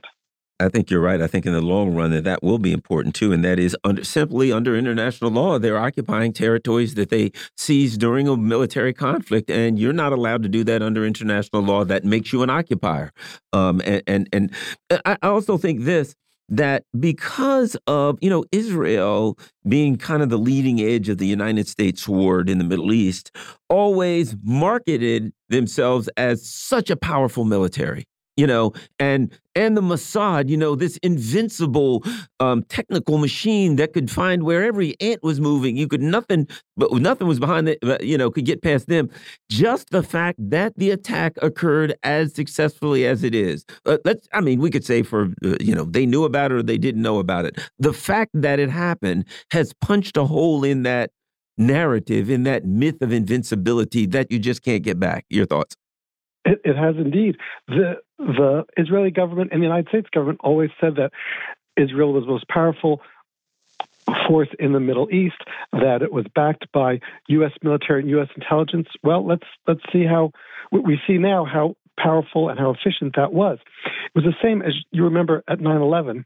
During during that, the United States government finally said that various intelligence agencies weren't talking to each other. They all had bits and pieces of information, but they weren't they weren't sufficiently communicating. It may be the same thing here, but whatever it is, there are a couple of things that are important. One, well, three, the Israeli military is not as powerful and invincible as the Israeli government, U.S. government wanted to make the world believe. Second was that the their intelligence is not as good as nearly as good as both those countries wanted to make believe. And third is that the Israeli people cannot live in security while there's an occupation. That has been proven. They cannot sleep peacefully in their beds at night as long as occupation continues. And we have seen that. We saw it on October 7th. We've seen it since then with the the incursions by Lebanon, the fighting by Yemenis. They they need to resolve this issue in a way that is satisfactory to the Palestinians, or they will never be at peace and security. You know, there's a great book uh, in, uh, uh, called "People's War, People's Army," and it's by uh, General Vo, the um, uh, General Giap G I A P, and he was the leader of the um, of the Viet Cong. In, in, it's called the Viet Cong Insurrection Manual and it's it's a great great book because it, it lays out very clearly how he understood the, the the ideology that that people had to follow in in order to to fight for their freedom. And you know what you just mentioned um, uh, makes me think about the the last stanza of the song called uh, "A Piece of Ground" by Miriam Makeba, as she's talking about the mindset of the people of the black South Africans, and and the, and it, and it, and it goes, White man, don't sleep long and don't sleep too deep, or your life and your possessions, how long will you keep? For I've heard a rumor that's running around the black man's demanding his own piece of ground. And that to me summarizes the transition that has taken place on the ground in Gaza. Robert Fantina. I think so. I think that that that stanza clearly shows what's what's happening, what's been happening, that the Palestinians are demanding the piece of ground that they own that has been stolen from them, but the international community knows who has stolen it, and that thief has to return it. It's the same as you said in in South Africa a generation ago, that there are people who are being repressed by a more powerful government, and they are not going to sit still and let this happen. We're seeing that clearly in what's happening in Gaza today. And, you know, we are seeing the poll numbers 76% of Democrats, 49% of Republicans, 57% of independent or third party voters support the idea of a permanent ceasefire. Bottom line is this they're saying permanent. They want it over. They want the killing to stop. They see it for what it is. How, how does that affect politics in the U.S., in your opinion? Oh, it affects it very much, I think. Biden is continuing to say that uh, he's sending more weaponry to Israel with absolutely no conditions attached, and that is costing him among uh, the important voting blocs, uh, progressives and young people, and in some key swing states, it's costing him the Arab vote and the Muslim vote. The, these are states he absolutely has to win that he won barely last time around. So politically, it's having it's going to have a major impact. We're also seeing him start to say a few things, or his spokespeople, that he will not allow the expulsion of the Palestinians from Gaza uh, and a few other things. He's he's coming a little bit to say that Israel can't do absolutely everything it wants to do, but it's still financing everything Israel does. And and we hear we read reports of he's he's trying to convince Netanyahu to have another ceasefire. He doesn't have to convince. Just pull the plug on the money. That's all it takes. And and Netanyahu will do whatever he tells him to do. He who pays the piper calls the tune. Exactly. And what what what I think that to your point, there's a direct parallel, and we talked about this in the last segment with Margaret, that when you look at these numbers and you see again 76% of Democrats, 49% of Republicans, 57% of independents, and it's independents that are going to determine the outcome of the election. They want to cease fire. That says to me that the dominant narrative is losing. That's why Chuck Schumer felt so compelled to go to the floor of the Senate and and and spew all of that anti-Semitism is is the same as uh, uh, anti-Zionism and all of that kind of stuff. That's why Joe Biden gave the speech that he gave on the 19th. That's why we had those Senate hearing the the Cong the hearings in Congress yesterday about what's happening on college campuses. They are losing the the narrative and they're struggling mightily uh, to retain control. Uh, narrative, or, uh, Israel has been losing the narrative for some time with the success of the BDS movement. With uh, that, that, that's a major thing. With a break in the ranks of Democrats within Congress, they're not all supporting Israel. They haven't been for some time. But now with this, with open and obvious genocide occurring, with the United States financing it and supporting it diplomatically. People are seeing pictures of mutilated, burned babies uh, being pulled out of rubbles of residential buildings. They're seeing UN refugee centers and hospitals being bombed, and hospitals being deprived of not only medicine, but even electricity. People having to have surgeries without any anesthetic people are seeing this and knowing Israel is doing this. The United States is allowing it and enabling it. So, no matter what you say about anti Semitism on, on, college campuses, it's not erasing what Israel is doing in Gaza. Anti Semitism is not anti Zionism. People can criticize the Zionist regime and not be anti-Semitism. And we see that in organizations like uh, Jewish Voices for Peace and the, the major outpouring of many Jewish organizations in support of Palestine and in support of a ceasefire. This is Schumer, Biden, and, and their cohort are trying to seize the narrative back, but it is too late. It's gone. They've lost it. They can't get it back. And, and final point to this as we get out, and, and please, if, if I'm wrong here, I have friends who are Palestinian. I don't hear them speaking about anti-Judaism. When I've read when I read things from Hamas, I don't read anti-Judaism. It's it's it's Tony Blinken that went to the region and said, not only am I here as an American Secretary of State, I'm here as a Jew. They're the ones that are equating the two. And what the Palestinians are fighting for is freedom. What they're fighting against is Zionism. What they're fighting against is apartheid and genocide. They're not fighting some religion. This is not a religious conflict, but those who are losing the public argument are conflating the two. Is that rhetoric on my part? No, that is very accurate. I think they're trying to conflate the two because no one wants to be labeled anti-Semitic. No one, no, it's a it's a horrible thing to be labeled. So they're trying to seize that as a reason to dampen Palestinian support, but it's not working. It simply doesn't work. People understand and see the lie of it. They say it's nonsense. I'm criticizing the Israeli government. It has nothing to do with criticizing Jewish people.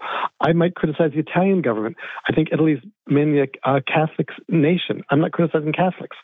I'm not even criticizing Italians. I would criticize the government. And I just use Italy as an example. I'm sure. not that familiar with the Italian government. But to criticize the government of a nation is not to criticize uh, the people of that nation, and certainly not to criticize a religion or religious beliefs.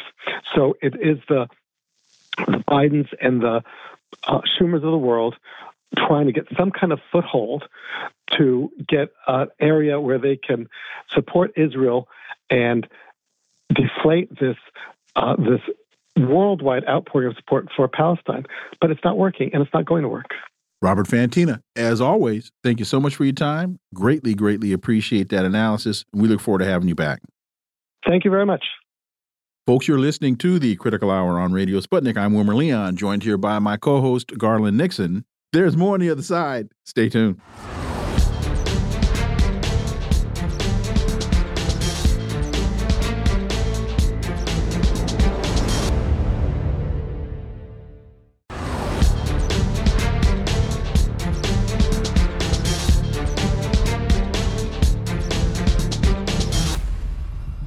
We are back, and you're listening to the Critical Hour on Radio Sputnik. I'm Wilmer Leon, joined here by my co host, Garland Nixon. Thank you, Wilmer. MSN has a piece entitled Biden Says He's Not Sure He'd Be Running If Trump Weren't. President Biden said yesterday he's not sure he would be running for reelection if former President Donald Trump were not also running. The presumptive I'm sorry, presumptive Democratic nominee for president made the comments during a fundraiser in Boston. Quote, if Trump wasn't running, I'm not sure I'd be running, but we cannot let him win. That's great to say at a fundraiser, but I could only assume that no one in the room asked him, Hey, Joe, have you looked at the polls lately? For insight into this, let's turn to our next guest. He's an independent journalist whose work can be found at Substack and thepolemicist.net, Dr. Jim Kavanagh. As always, Jim, welcome back. Thanks for having me. So, a Biden campaign official told CBS News that the president's advisors viewed his statement as a continuation of the same things they've been highlighting in recent weeks that the stakes of the election are very real that the election is bigger than any individual candidate and that democracy itself is at stake. Jim, this just seems to be a continuation or a slight variation on the same theme, and that is Trump is evil. We're not Trump. Vote for me. And that, particularly as we look at where the numbers are right now, I don't see that as being a winning argument, Dr. Jim Kavanagh. Yeah, especially when, you know, the polls are showing Biden losing to Trump. So if the most important thing is defeating Trump, he's not sure he'd be running, if Trump weren't running because it's so important to defeat Trump, then he's not sure about arithmetic. I mean, uh, you know, if the most important thing is to defeat Trump, he should get out of the way and let someone who actually might defeat him run. I mean, he should at least open the Democratic Party to a Democratic contest in which the people who are who might argue that we can defeat or I can defeat Trump more easily than you can could make their case to the Democratic voters, which they're not going to do. Uh, this is craziness, you know, and and it's it's it it demonstrates it's just making him look more ridiculous because what he's saying makes no sense, and it makes the Democratic Party look more ridiculous because they're going along with it, and he's not going to be the Democratic nominee anyway. They, I, I don't. I, I just can't believe they're going to continue. They're going to try and present him to the public. They have to cancel all kinds of meetings with him. You know, uh, with foreign heads of state. You know, they're not. Uh, this is not a serious candidate. This guy doesn't not sure whether he's running. He's not sure whether he's walking or sleeping uh, every day. So uh, or sleepwalking. Yeah, exactly. And the Trump, on the other hand, you know, maybe Trump won't be the candidate. Trump's in a in a jungle of the prosecutions that might prevent it from being. So if Trump isn't the candidate, you going to step step down, Joe. I mean, uh, it doesn't make none of it makes any sense, and you're seeing a whole kind of frenetic uh, discussion and debate about a campaign, a, a possible campaign, an ostensible campaign that doesn't make any sense. You know, Jim. Um, here's the here's the thing I get out of this too the Democratic Party is so corrupt at this point and so dysfunctional that they can't even afford to have a primary at all.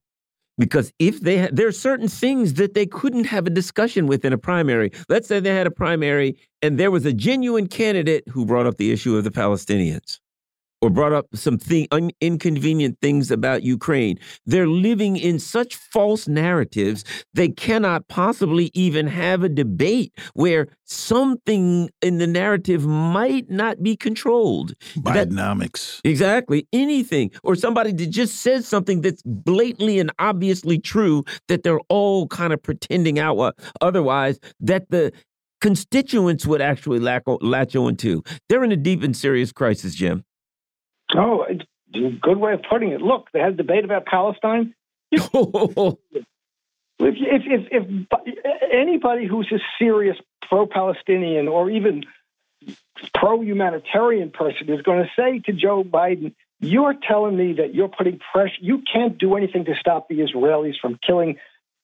Tens of thousands of civilians and thousands of children. When the Israeli general is saying every bomb, every shell every airplane that we get, we get from the Americans. And if they shut off the tap, we'd have to stop. So you're not trying to prevent the Israelis from killing civilians. You're letting them do anything they want and just running your mouth about it. And that's obvious. Ukraine, you said you'd stick by you. But, but wait a minute, hang on a second. Hang, hang, just really quickly, Jim, to that point. Joe Biden has stood before the world and said, I am a Zionist. So he's not going to do that because he believes in what's being done. That's right. He's committed to it. Uh, but a lot of people, a lot of the American politicians are committed to it. But you know, he's also, you know, they're acknowledging that Israel's going too far with killing killing too many civilians, and they're saying we can't do anything about it, which is absurd. And the Israelis themselves say you could you could stop this if you want. Ukraine, we're going to save Ukraine. We're going to defeat. We can't let the Russians win. We won't let Zelensky have a a, a negotiation and a peace treaty with the Russians. Look what happened. And you're going to, how are you going to wiggle your way out of that? Exactly. So if you had a real debate with real uh, opposition, real political opposition, it would be ridiculous. But Biden even couldn't make three sentences about it, let alone that complex a discussion.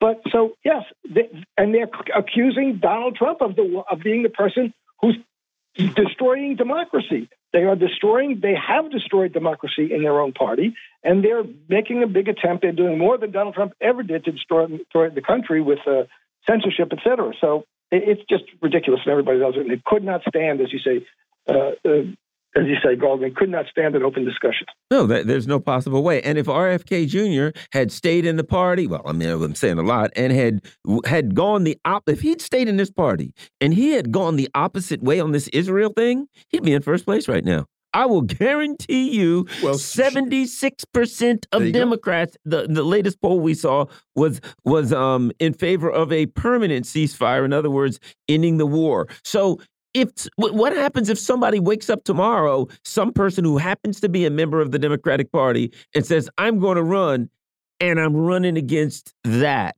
they can't. They've got to wipe the person out. They got to take them out immediately. Fifty-seven percent of independents, yeah. and we know independents are going to be the ones that decide the outcome of the election. They can't even pretend. They can't even fake like there's democracy this go around in the primaries, Jim. It's, it's absolutely. They they cannot stand an open discussion with a, a real independent voice that's going to say things that go against the narrative the Democrats insist on imposing on everybody, and they're not going to allow it to happen within the party. The party is is is a party now that's as you know uh, disciplined as any Leninist party in that sense. They're not allowing uh, intra-party discussion and intra-party board discipline in some sense of Leninist party. They're not allowing intra-party discussion, let alone public discussion. So it's uh, and everybody knows it. I mean, everybody knows what's going on here, but nobody nobody in the media wants to say it out loud and and the, it's an insult to the American electorate to be presenting this set of people and this this possible campaign as something that's protective of democracy. It is an insult to democracy. And to that point, Tampa Bay Times no presidential primary for Florida Democrats after party submits only Biden's name. The Democratic Party in Florida is standing by its decision to scrap its presidential primary after it submitted only Biden's name for the 2024 ballot. That's just one example of what's happened to what at least was the uh, veneer or the illusion or the perception of democracy. Jim Kavanagh. Yeah, I mean, it's a perfect example. You know, they they they don't want to have anybody but Biden's name in New Hampshire or Iowa or in Florida, and you know the party controls this. This is the, the Democratic Party is an undemocratic party. It's an anti-democratic party, and it's much it's more so in this election because the the candidate they want to keep in power, or they pretend they want to keep in power, is so bad and so unpopular and so rejected by his the, the constituency of the party that they have to keep any anybody else off the ballot, and that's what they're doing. And you you know I, I don't know what what else it will take to make people understand this fact that the Democratic Party is not a Demo- small d Democratic Party. It's a party controlled by a faction of the ruling class for their purposes. And this is, you, you can't ask for better proof of it than this. And uh, I don't know where to go with that exactly, but that's the case, and people should really wake up to it, understand it, and take it seriously. And is this is damning for the concept that we have a democracy in this country. We have a two-party system, which is two wings of the same ruling class party, uh, the same ruling class. Let's put it that way. Well, you know, to be quite frank, every time somebody says whoever it is, Putin, Trump, January 6th, anything, anytime someone says this quote, this group attacked our democracy, the first thought that always pops into my mind is, I understand what you're saying. but there's one fundamental problem I have. And and you know what it comes from, Jim? And I guess this is the start of it. When they stole it from Bernie in 2016 and I was a Bernie supporter, you know, and and ever since then all these other things have adds up to the same thing. This ain't a democracy. 30 seconds. Yeah, you know, uh, you can go back to let's say 1963, and the president of the United States in broad daylight because they didn't like him. So and all the other assassinations. So, yeah, it's not a democracy. It's like the old joke. What do you think of Western civilization? Well, it's a good idea. someone, someone should do it sometime. Yeah. Dr. Jim Kavanagh, as always, thank you so much for that. Greatly, greatly appreciate it. We look forward to having you back. Folks, you've been listening to the Critical Hour here on Radio Sputnik. Thank you for allowing our voices into your space. On behalf of myself and my co host, Garland Nixon, we hope you were informed and enlightened, and we look forward to talking with you all right here tomorrow on Radio Sputnik. Be safe. Peace and blessings. We're out.